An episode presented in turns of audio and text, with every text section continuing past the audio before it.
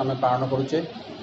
ଈଶ୍ୱର ମା ବାବାଙ୍କର ମା ଏବଂ ବାବାଙ୍କର ଗର୍ଭଧାରଣ ଆଗରୁ ଈଶ୍ୱର ମାଙ୍କୁ ଭଗବାନଙ୍କ ଦେବଦୂତ ଭାବରେ ଭଗବାନ ତାଙ୍କୁ ଜଣାଇଥିଲେ ଯେ ଈଶ୍ୱର ମାଙ୍କ ଗର୍ଭରେ ବାବା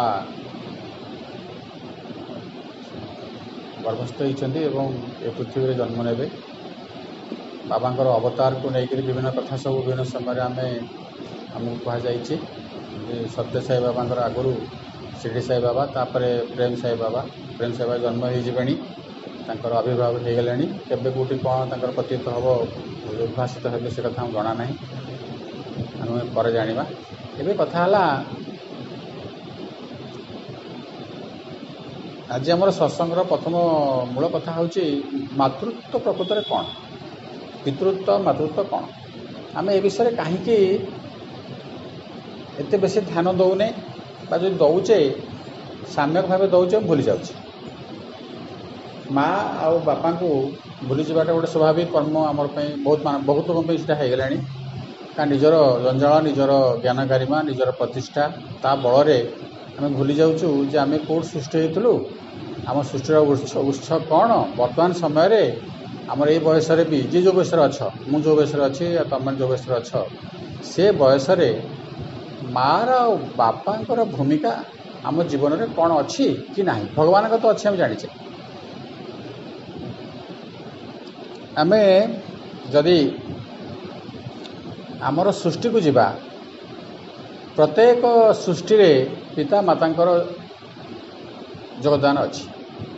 ଗୋଟେ ମଞ୍ଜି ଗୋଟେ ମଞ୍ଜି ସୃଷ୍ଟି ହେଉଛି ମଞ୍ଜି ଯେତେବେଳେ ସୃଷ୍ଟି ହେଉଛି ଛୋଟ ମଞ୍ଜିଟେ ଗଛ ଉଠୁଛି। ଆମେ କେବେ କେହି ବିଶ୍ୱାସ କରିପାରିବା ନାହିଁ ଯେ ଗୋଟେ ଛୋଟ ମଞ୍ଜି ଭିତରେ ବରଗଛର ମଞ୍ଜିଟେ ଧର ତା ଭିତରେ ଏଡ଼େ ବଡ଼ ଗଛର ସମ୍ଭାବନା ଅଛି ଏବଂ ଏତେ ପରିମାଣର ଶକ୍ତି ସେ ଗ୍ରହଣ କରୁଛି ଏବଂ ବିଚ୍ଛୁରଣ କରୁଛି ଆମକୁ କେବେ ବି ଜାଣି ହେବନି।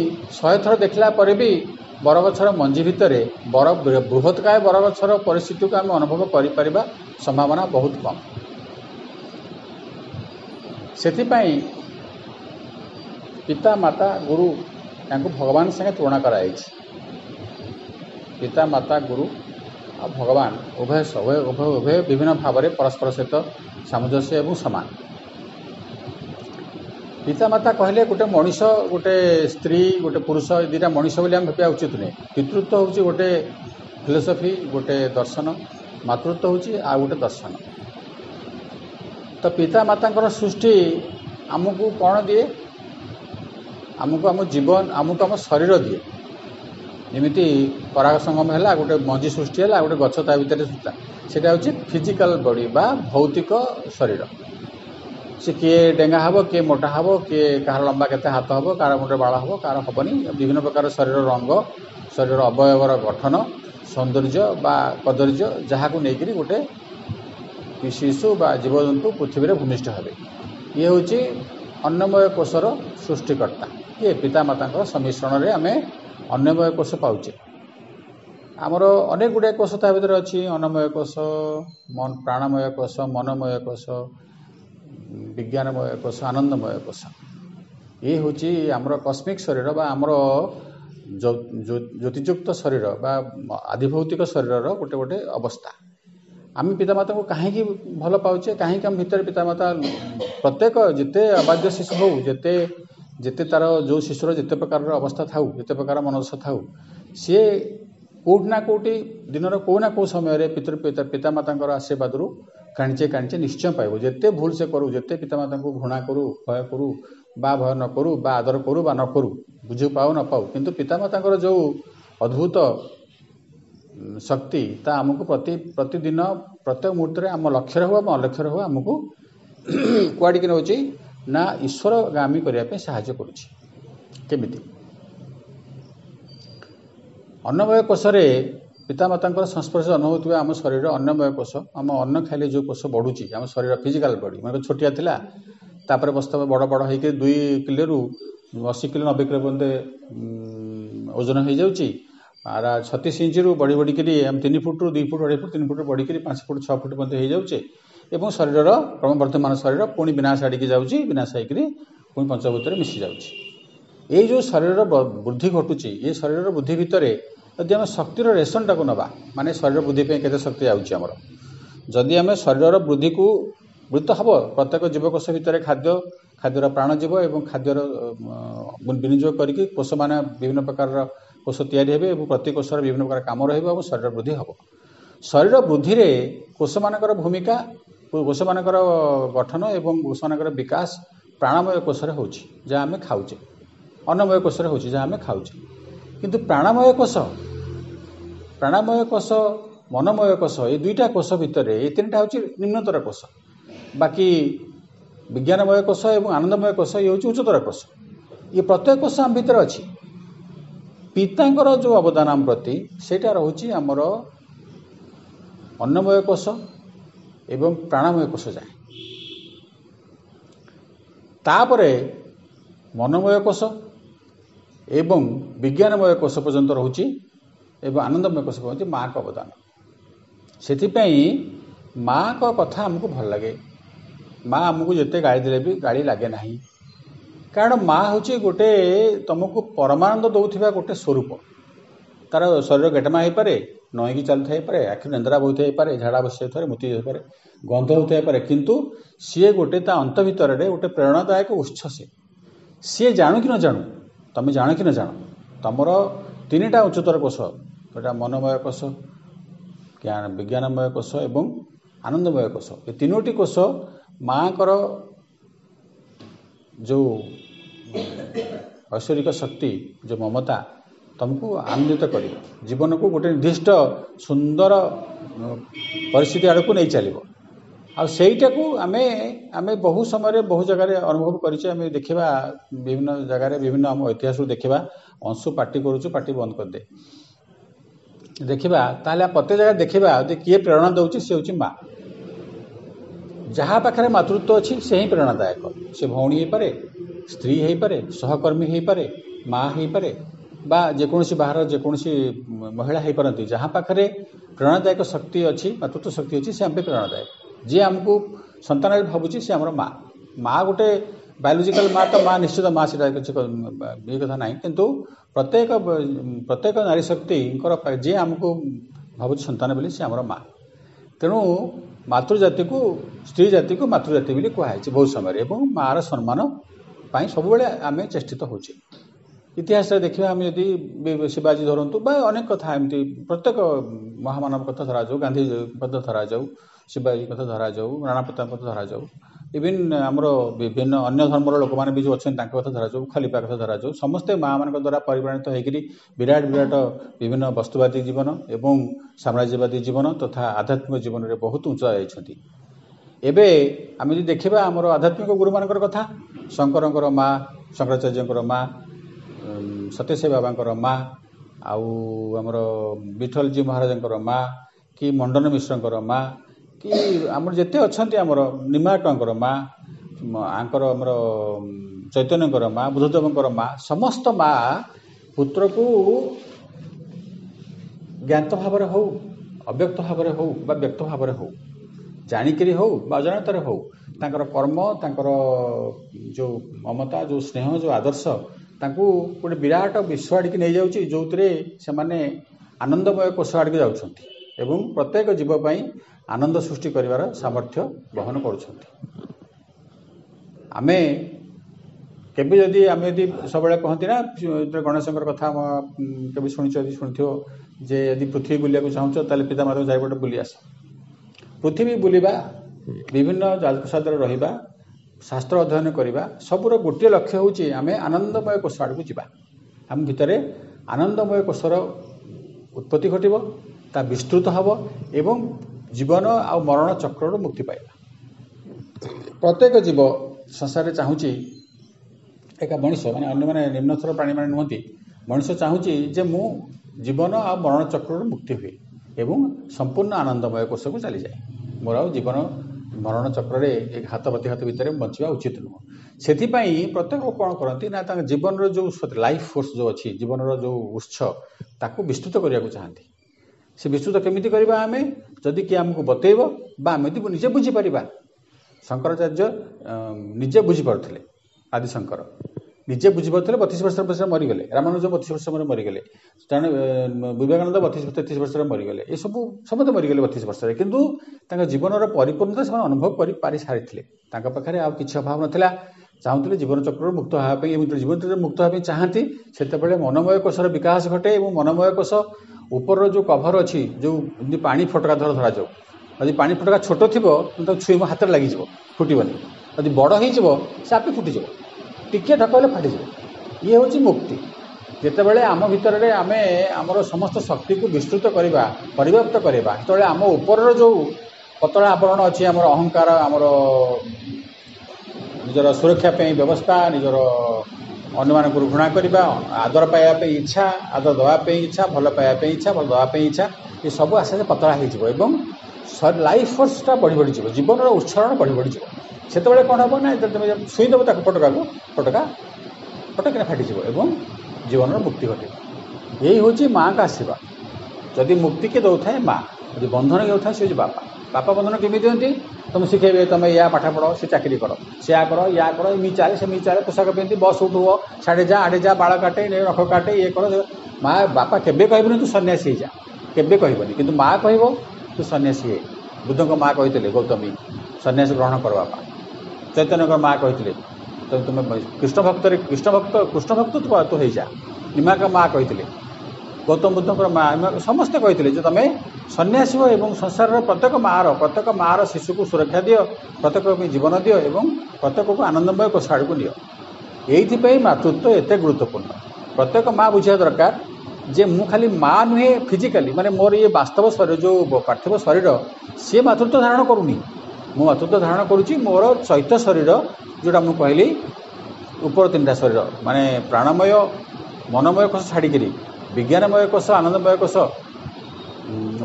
ବିଜ୍ଞାନମୟ କୋଷ ଆନନ୍ଦମୟ କୋଷ ଏଇ ଦୁଇଟା କୋଷ ମନୋମୟ କୋଷ ଏଇ ତିନୋଟି କୋଷ ପ୍ରାଣମୟ କୋଷଟା ଅନ୍ନମୟ କୋଷ ପ୍ରାଣମୟ କୋଷ ତଳ ଦୁଇଟା କୋଷ ଆମର ଖାଦ୍ୟ ବିଭିନ୍ନ ପାର- ପାରିପାର୍ଶ୍ୱିକ ଅବସ୍ଥାରେ ଆମେ ଗ୍ରହଣ କରିନେବା। କିନ୍ତୁ ଏଇ ତିନିଟା ତିନିଟା କୋଷ ଯେଉଁ ଉପରେ ରହିଲା ଯାହାକୁ ଆମେ କସ୍ମିକ ବଡି କହୁଛେ ସିଏ ହେଉଛି ଆମ ଶରୀରର ମୂଳ ଆଧାର। ଆମେ ଯେତେ ଯାହା କରୁଛେ ସବୁ କ୍ଷଣିକ ମାତ୍ର। କିନ୍ତୁ ଯେତେବେଳେ ଆମେ ଯାହା କରୁଛେ ଆମର ମନର ଆନନ୍ଦମୟ କୋଷର ପୂର୍ତ୍ତି ପାଇଁକା ସେ ସ୍ଥାୟୀ। ସେ ଯିବନି ତା ଉପରେ ଗୋଟେ କଭର ଅଛି। ସେ ସେ କେବେ ହେଲେ ବି କ୍ଷ- କ୍ଷତିଗ୍ରସ୍ତ ହେବନି।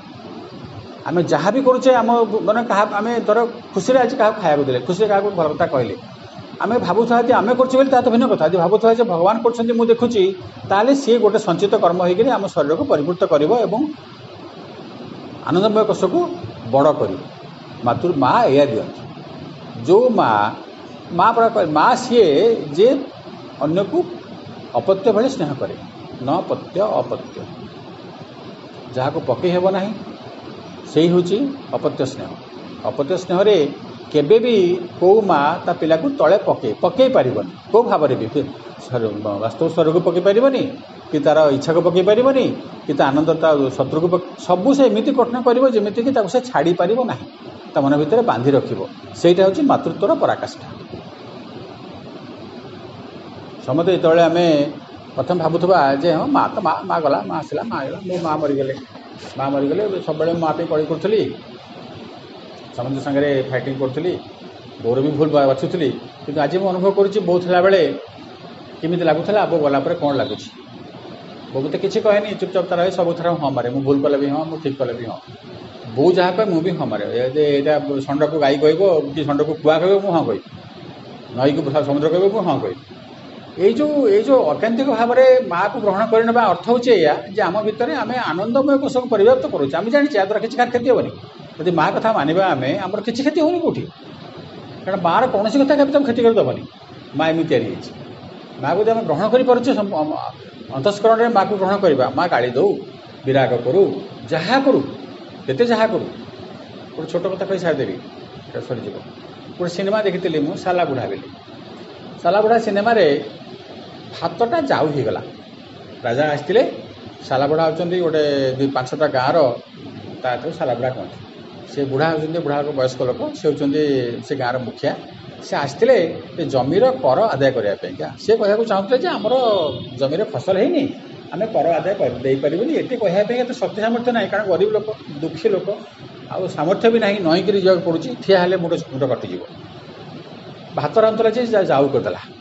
କିନ୍ତୁ ସେ ଚାଉଳଟା କହିଲେ ଦେଖ ଆମ ରାଜା ଆସିଛନ୍ତି ଗୋଟେ ଦିନ ଆମ ଅତିଥି ସେ ଆମେ ତାଙ୍କୁ ଏମିତି ଖାଇବାକୁ ଦେବା ଯେମିତିକି ସେ ଆମକୁ ଆମକୁ ମନେ ରଖିବେ। ଭାତ ଚାଉ ହେଇଗଲା। ଚାଉଳ ତ ନାହିଁ ଆଉ କାରଣ ଗାଁରେ ଚାଉଳ ଥିଲା ଚାଉଳ ଯଦି ମାଗିକି ଆଣି ଚାଉଳ କରିଥିଲେ ଭାତ ତ ସେ ରାଜାକୁ ତ କହିବେନି ତୁମେ ଚାଉଳ ଦିଅ ଡାଲି ଦିଅ ଆମେ ତ ରୋଷେଇ ଖାଇବୁ କହିବେ କି କହିବେନି ତ ସେ କ'ଣ କଲେ ଯାଉ ଭାତକୁ କେମିତି ଭଲ ଭାତ କରିବେ? କେମିତି ଭଲ ଭାତ କରିବ ତୁମେ କହିପାରିବ କି ସେ? ଭାତ ଯାଉ ହେଲେ ତ ଭଲ ଭାତ କେମିତି କରିବ? କହିପାରିବୁ? ଗୁଆ ଘିଅ ସମସ୍ତଙ୍କର ମାଗିଲେ। ସବୁତକ ଯାଉକୁ ପକେଇ ତା ଭାଜିଲେ। ଭାତଟା ଗୋଟା ହେଇଗଲା ସୁପକ୍ୱ ହେଇଗଲା ଏବଂ ଏତେ ସୁନ୍ଦର ହେଇଗଲା ଯେ ରାଜା କହିଲେ ଯିଏ ଇଏ ଭାତ କରିଛନ୍ତି ତାଙ୍କୁ ଡାକ। କହିଲେ, ଆପଣ କେମିତି କଲେ? ନା ଆଜ୍ଞା ଆପଣ ତ ମୋଠୁ ସାନ ଆପଣ ମୋ ଅପତ୍ୟ ମୁଁ ଆପଣଙ୍କୁ କେମିତି ଖରାପ ଜିନିଷ ଖାଇବାକୁ ଦେବି ମୋତେ ବି ଦୁଃଖ ଲାଗିଲା ଗୋଟେ ଦିନ ମୋ ପୁଅ ଖାଇବାକୁ ଦେବି ଏଇ କଥା ଏକ୍ଜାକ୍ଟଲି ଏଇ କଥା।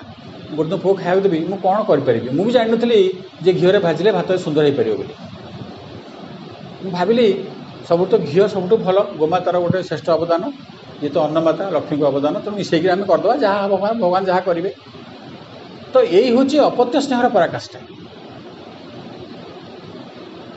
ସେମିତି ମା ମା ଯେତେ ଯାହା କରୁଛି କରୁ ତୁମକୁ ଯାଉ ଦେଲେ ବି ଯାଉକୁ ଠିକ୍ କରିକି ସେ କ'ଣ ଗୋଟେ କରିଦେଇପାରେ ତୁମ ପାଇଁ ସୁଖ କର ତୁମ ଗାଳି ଦେଲେ ବି ସେ ତାପରେ କ'ଣଟେ କରିକି ତୁମ ପାଇଁକା ସିଏ ନ କଲେ ବି ସିଏ ନ କଲେ ବି ଯେଉଁ ଉପାଦାନରେ ମା ଗଠନ ହେଇଛି ଯେଉଁ ଉପାଦାନରେ ମାର କୋଷମାନେ ଗଠନ ହେଇଛନ୍ତି ମନମୟ କୋଷ ଅ, ଆନନ୍ଦମୟ କୋଷ ଗଠନ ହେଇଛି।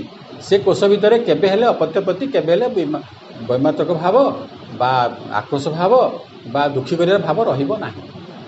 ଇଏ ହେଉଛି ଭଗବାନଙ୍କର ସବୁଠାରୁ ଗୋଟେ ସୁନ୍ଦର ମହତ୍ତର ସୃଷ୍ଟି। ଏ ସୃଷ୍ଟିକୁ ପ୍ରତ୍ୟେକ ଅନୁଭବ କରିବା ଉଚିତ। ଯଦି ଯେପର୍ଯ୍ୟନ୍ତ ଆମେ ଏ ସୃଷ୍ଟିକୁ ଅନୁଭବ କରିପାରେ ନାହିଁ ଯେପର୍ଯ୍ୟନ୍ତ ମାଆକୁ ଆମେ ଏମିତି ଆଇନ ଅନୁସାରେ ନୁହଁ। ମା ମାନେ ଇଏ ସେ ଓଲ୍ଡ ଏଜ୍ ଆକ୍ଟ ସେ ଅନୁସାରେ ନୁହେଁ। ଆମେ ମାଆକୁ ମା ଭଳିଆ ବୁଝିବା ପାଇଁ ଆମ ଭିତରେ କିଏ କହିବା ଦରକାର ଯେ ମା ହେଉଛି ଏଇ ଏଇ ହେଉଛି ତୋର ମା। ଏଇ ମା ନୁହେଁ ତୁ ମା ନୁହେଁ ସେ ମା ନୁହେଁ ସମସ୍ତେ ମୋର ମା ଯିଏ ମୋତେ ଭାବୁଛି ମୁଁ ତାର ପୁତ୍ର। ଥରେ ଭାବନା ଜାଗ- ଜାଗ୍ରତ ହେଲେ ମା ଭିତରେ ପୁତ୍ରୋତ୍ତର ଭାବନା ଜାଗ୍ରତ ହେଲେ ଆପେ ଆପେ ତାଙ୍କର ଯେଉଁ ଯେଉଁ କୋଷ ସବୁ ସେ ସେ ପୁରା ସେଲପ କରିଯିବ ପୁରା ଖୋଲିଯିବ। ଆଉ ତାଙ୍କ ଶରୀରର ପ୍ରତ୍ୟେକ ଜୀବକୋଷ ପ୍ରତ୍ୟେକ ଅଞ୍ଚଳ ପ୍ରତ୍ୟେକ ଶକ୍ତିର ପରିଚାଳନା ଏମିତି ହେବ ଯେମିତିକି ସଂସାରର ମଙ୍ଗଳ ସେ ପୁତ୍ର ବା ସେଇ ସ୍ନେହ ଦ୍ୱାରା ସଂ- ସଂସାରଟା ସୁନ୍ଦର ମଙ୍ଗଳମୟ ହେବ। ତେଣୁ ଆଜି ଈଶ୍ୱର ମାଙ୍କର ଜନ୍ମତିଥି ମାତୃତ୍ୱର ଜନ୍ମତିଥି ଆଉ ଈଶ୍ୱର ମା ଡେ ମାନେ ଜନ୍ମତିଥି ନୁହଁ?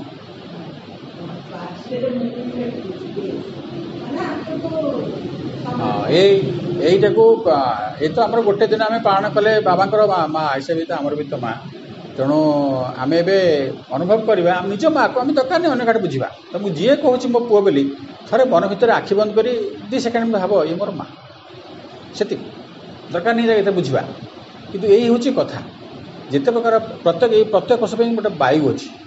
ଆପାନା ବାୟୁ ପ୍ୟାନା ବାୟୁ ସମାନ ବାୟୁ ଉଦନ ବାୟୁ ଏସବୁ ବହୁତ ଯୋଗର ବହୁତ ବିଭିନ୍ନ କଥା ଏବଂ ବହୁତ ଟିକେ ଆଉ ଆଉ ଟିକେ ତାକୁ ବାରମ୍ବାର ବାରମ୍ବାର ନ ପଢ଼ିଲେ ଏଇଟା ବୁଝି ହେବନି ତାକୁ ଯୋଗୀ ପ୍ରାକ୍ଟିସ୍ ମାନେ ଯୋଗ ମାନେ ଏମିତି କରନ୍ତି। ସେମାନେ ପ୍ରଥମେ ଆଗ ଦୁର୍ଗା ମାଆକୁ ମା ବୋଲି କହି ପୂଜା ଆରମ୍ଭ କରନ୍ତି।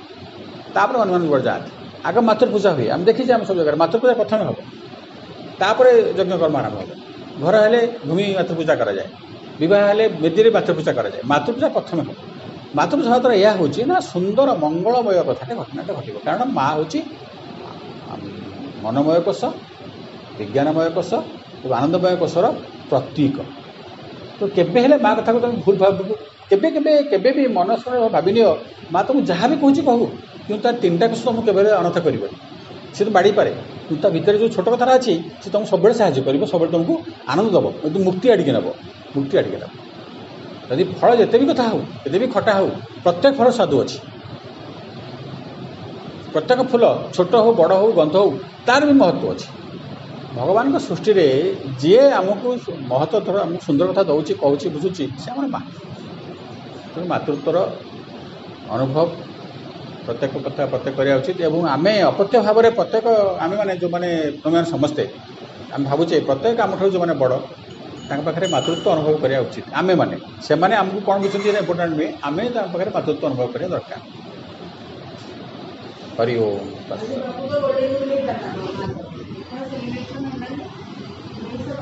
ବଡେ